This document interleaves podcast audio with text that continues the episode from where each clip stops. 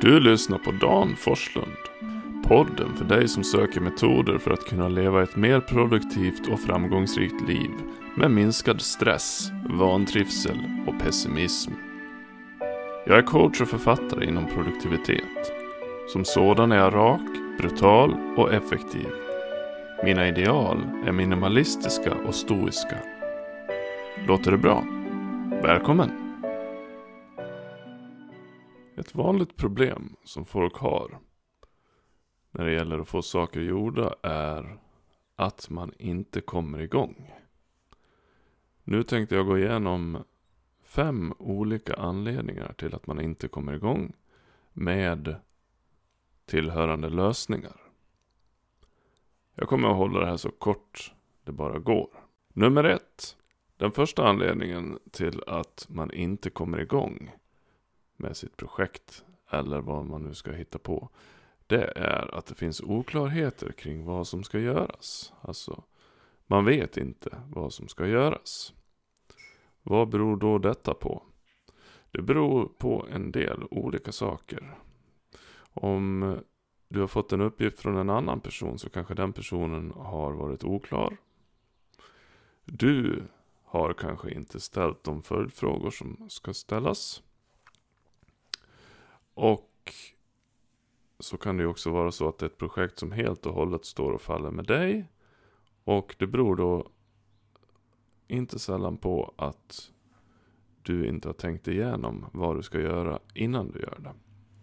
Jag jobbar alltid i två steg. Först planerar jag, sen gör jag. Om jag sitter och försöker göra samtidigt som jag planerar, då gör jag egentligen två saker samtidigt och då går det åt pipsvängen. Så, nummer ett. Vad du ska göra är att du måste vara helt hundraprocentigt säker på vad som ska göras, varför, när, hur och så vidare. Det får inte finnas några frågetecken överhuvudtaget. Du ska inte behöva använda hjärnan utan du ska kunna vara som en eh, robot eller någonting. Du ska bara ge order till dig själv. Då kommer du igång. Då känns det lätt att komma igång. Det är viktigt. Nummer två. Dålig planering är den andra vanliga orsaken till att du inte kommer igång. Det här kan då vara att uppgiften som sådan vet vad det, vad det ska innehålla. Men du har en massa andra saker som ligger och tickar runt omkring dig. Eh, som kanske har med barnen att göra eller kanske har att göra med att din sjuka moster eh, behöver hjälp med internet. Eller någonting sånt här som kommer att störa dig. Eh, du har helt enkelt inte planerat in. Det kan också vara så att planeringen är orealistisk. Du kanske bortser från alla små steg som ingår i din större uppgift. Det innebär att du kan bli överväldigad. Jag brukar ta det som ett exempel. Eh, om man ska klättra upp för ett berg. Då ska man inte titta på toppen och tänka hur fan ska jag komma upp dit? Utan du ska tänka var är mitt första pitstop? Vilken är basecamp eller vad du ska till? Eller eh, ja, vilket är delmålet jag ska till? Du ska inte tänka på slutdestinationen där. En dålig planering, den har bara start och mål. En bra planering, den har flera mellansteg. Och eh, den har all den info du behöver så att du slipper ta bort blicken från det du ska göra när du gör det. Du behöver inte tänka att Åh, oh, just det, jag fick ju lov att ringa till den här eh, sega gubben som man aldrig får tag på. Uh, hur, nu får jag lov att avbryta mitt jobb. Det är dålig planering. För all den här infon ska ju du se till att ha innan. Det hör ihop med uppgift ett, att man inte vet vad man ska göra. Se också till att ha allt du behöver framför dig. Om du ska lägga ett pussel, då måste du ha alla pusselbitarna. Annars går det inte att lägga det. Då får du helt enkelt planera om. Så, en bra planering, den har start och mål, den har delstegen emellan och den har all nödvändig information. Jag skulle också vilja säga en annan sak om dålig planering. Planering kan vara för detaljerad också. Innebärande att du aldrig kommer ur planeringsstadiet. Så att du måste dra en gräns där. Den ska vara tillräckligt detaljerad men inte för detaljerad. Ibland måste du nämligen improvisera och vara lite spontan. Din planering måste tillåta det, annars är den kass. Nummer tre. Perfektionism är någonting som skjuter allt för många projekt i sank. Och vad menar jag då med perfektionism? Jo, jag menar att man får sån enorm prestationsångest så att man aldrig kommer igång. För att man har sådana krav på att omständigheterna måste vara de absolut rätta för att man överhuvudtaget ska kunna komma igång. Man ska gå ut den där utbildningen, man ska ha den där lönen. Ehm, man ska bo i det där huset med den där partnern och det ska ha lugnat ner sig. Och eh, solen ska stå i den perfekta graden gentemot månen. Nej, jag vet inte. Eh, det kommer att innebära då att du kommer aldrig dit. Ett exempel från mitt eget liv är faktiskt just nu när jag spelar in den här podden. Så har jag barnen som sitter och kollar på skrikande YouTubers och eh, far omkring lite och plundrar skåpen och äter saker och överhuvudtaget låter. Och eh, jag tänkte så, jag skulle spela in det här när de inte var här, men eh, man kan aldrig få som man vill. Eh, fullständigt. Och det är alltså perfektionism. Så att du måste helt enkelt ge vika eh, för din idealidé om hur det perfekta ska vara. Det är bättre att få det gjort. Det är bättre att, att ta ett litet steg än ett stort. Och någonting är alltid bättre än ingenting. Så perfektionism är alltså något att se upp för. Sänk dina krav. Du kan alltid polera det här i efterhand. Perfektionism spelar ju också in väldigt mycket när man väl har kommit igång också med ett projekt. Att man sitter och polerar när man egentligen ska göra grovjobbet. Själv jobbar jag alltid så att jag gör de grova opolerade stegen först. Jag odlar busken så att säga. Eh, och sen när jag har gjort det, då kan jag börja fintrimma. Många jag känner, speciellt sådana som jobbar med estetiska saker, alltså grafik och sånt. De sitter och pixelpillar redan från första sekund. Det tror jag inte är någon bra idé, utan man måste göra en grovskiss först. Eh, och sen när man har sett att den här idén håller, då kan man börja finlira. Så, perfektionism alltså. Nummer fyra. Den fjärde anledningen till att vi inte kommer igång är att vi har fel verktyg. Det här är ju ganska enkelt att dra roliga exempel. Om du ska klippa gräset och ha en nagelsax till exempel. Det finns ju mer komplexa exempel också som eh, har att göra med fel verktyg. Och eh, ja, det kan ju vara att du håller fast vid någonting som du alltid har använt. För att det är ju vad du kan. Och sen blir du, får du jobba dubbelt så hårt jämfört med de som kommer in nyare.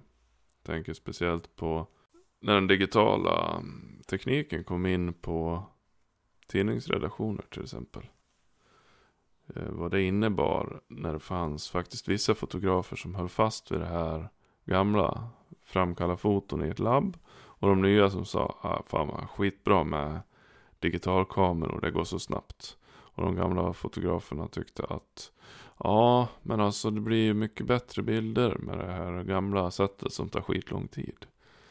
Men vad var det i slutändan? Det var inga konstnärliga bilder som skulle in utan det var nyhetsbilder i tidningen. Eh, som inte är några till för att vara konstverk liksom.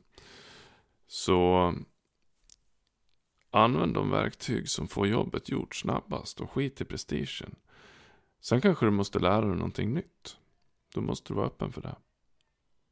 Om du envisas med att göra på det gamla sättet, ja. Då får du helt enkelt ta den smällen. Så är det. Rätt verktyg. Det är smartast. Och vet du inte vad rätt verktyg är, då tar du och tar kontakt med någon i det här sammanhanget som du ska jobba. Och fråga en sån ledande auktoritet, säg vad använder du för verktyg? Sen tar du det därifrån. Nummer fem.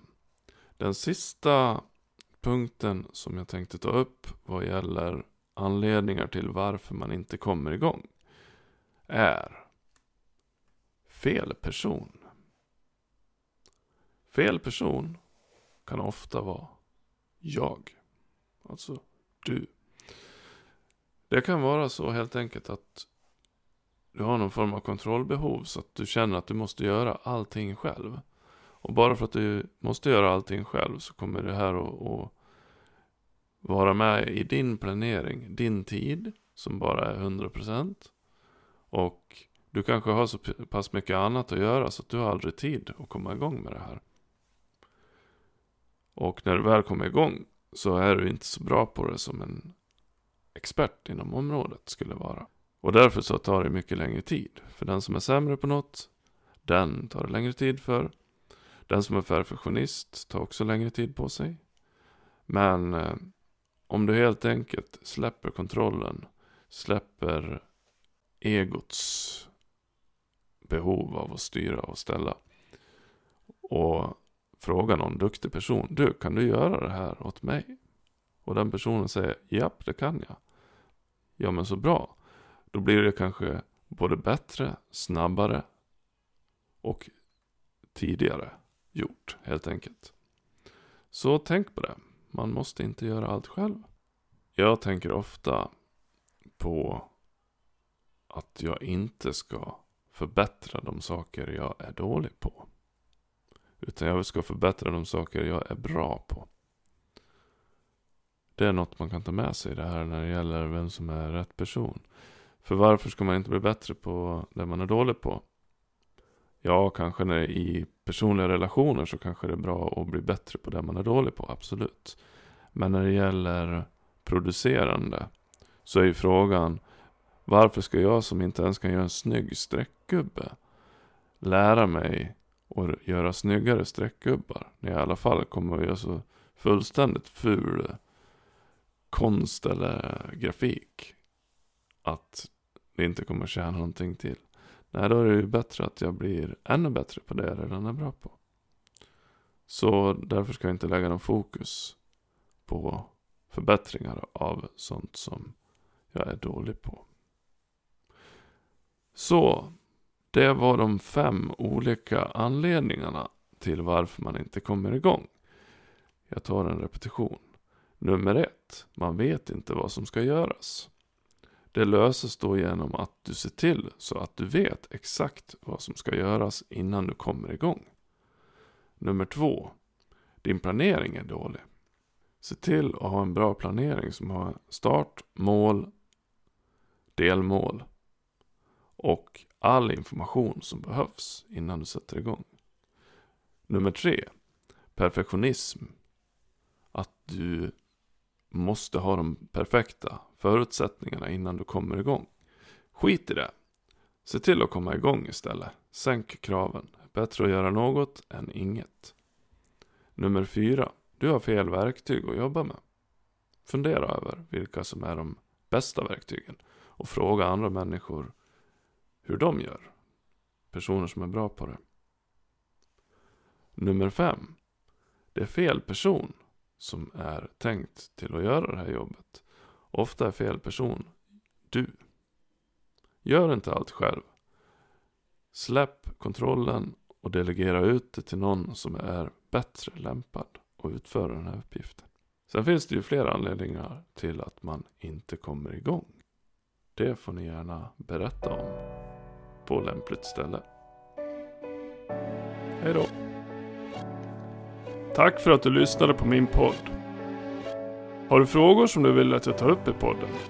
Maila mig på kontakt danforslund.se Eller skicka meddelande till Forslunds fantastiska värld på Facebook. Den har adressen facebook.com forsfant. Vi hörs!